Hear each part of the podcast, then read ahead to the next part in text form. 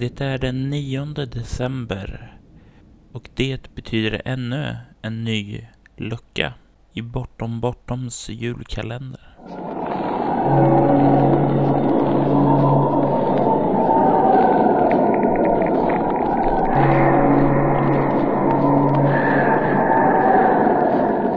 Idag så tänkte jag ta och prata lite om ett av många sätten som man kan skapa en berättelse på.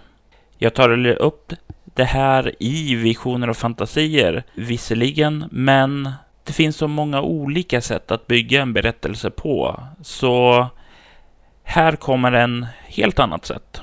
Inom filmindustrin så finns det en term som kallas för set pieces. En set piece är eh, en sekvens som har ett eh, starkt momentum och viss dramatik i sig.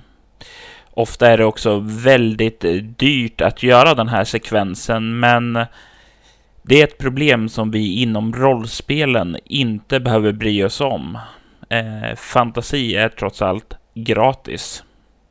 För att exemplifiera vad en set piece kan vara så kan vi kolla på den eh, första Indiana Jones-filmen där Indiana måste bege sig ned i en stor ormgrop eh, för att gräva reda på svaren som finns där nere. Eller varför inte då Luke eh, kastar sig ner med sitt skepp i den fåran som han behöver ta sig med fram till platsen där han ska göra det precisionsfyllda skottet och spränga dödsstjärnan i bitar. Det här är två exempel på eh, set pieces i filmer. Eh, de är väldigt eh, dramatiska för berättelsen. Eh, och eh, en av de största filmskaparna, särskilt inom skräckfilmsgenren, är Alfred Hitchcock. Hitchcock brukade föredra att använda tre stycken set pieces som han byggde upp eh, filmerna kring.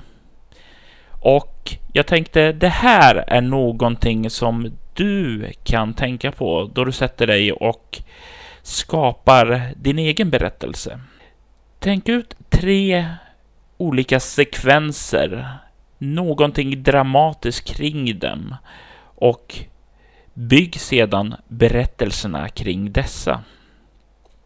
Det är lite grann så som jag har tänkt när jag sitter nu och skriver på nästa års konventsberättelse, eh, Skuggstaten.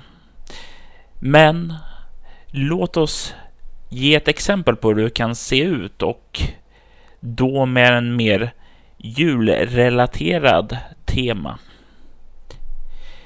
Jag satte mig ner och tänkte vad tänker jag på när jag tänker jul.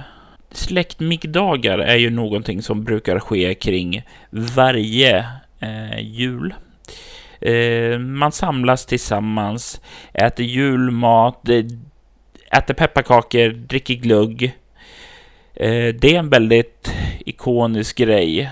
Jag tänker mig för att få någon form av dramatik i det här, så är det här en julmiddag där någonting kommer gå hens fel. Vi får in det här grälandet och bråket mellan familjemedlemmarna och den här, det som ska vara en så trevlig sammankomst förvandlas till något våldsamt och brutalt istället. Och det är den här första setpisen som jag tänker mig. Sen har vi en mindre konkret sådan. Jag tänker mig en jullåt som för mig är, känns väldigt julig. Det är verkligen låten Stilla natt. Och jag tänker den här sjungs av en barnkör. Ni vet en sån här väldigt eh, kuslig eh, form av barnkör som ofta används i skräckfilmer och liknande. Slutligen så tänker jag mig också en kyrka som ligger så där ute på landet. Snö täcker mycket av kyrkogården, men det har skottats upp en gång in till midnattsmässan där. Längs med gången så står det marschaller som brinner. Och samtidigt som man börjar skrida upp mot porten till kyrkan så ser man hur snön är nedskvätt av blod. Och ju närmare man kommer kyrkan, desto starkare blir de här skvätten som har färgat den vita snön rosaaktig. Och vid dörren så ser vi hur det rinner ut blod.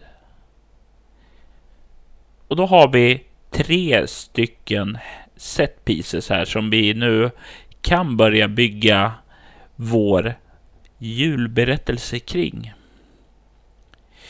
Vi har en släktmiddag som går riktigt, riktigt fel. Vi har en kusligt sjungen Stilla natt-låt av en barnkör. Och vi har en kyrka där någonting gått mycket, mycket fel. Hur skulle du väva samman det här till en berättelse? Dela gärna med dig i kommentarerna på det här avsnittet och se vad du kommer på. Jag hoppas att det här kan vara ett givande sätt för dig att skapa en berättelse på. Om inte annat så kan det vara en bra idé för dig att tänka på vid de stunder där du känner att du kört fast i dina vanliga förberedelser inför berättelsen som ska spelas nästa spelmöte. Tänk på en scen, en händelse och vad du vill förmedla för känsla och stämning. Kanske är den setpisen exakt vad som får din fantasi att släppas lös. Och med det avrundar jag dagens lucka. Tills nästa lucka. Hades.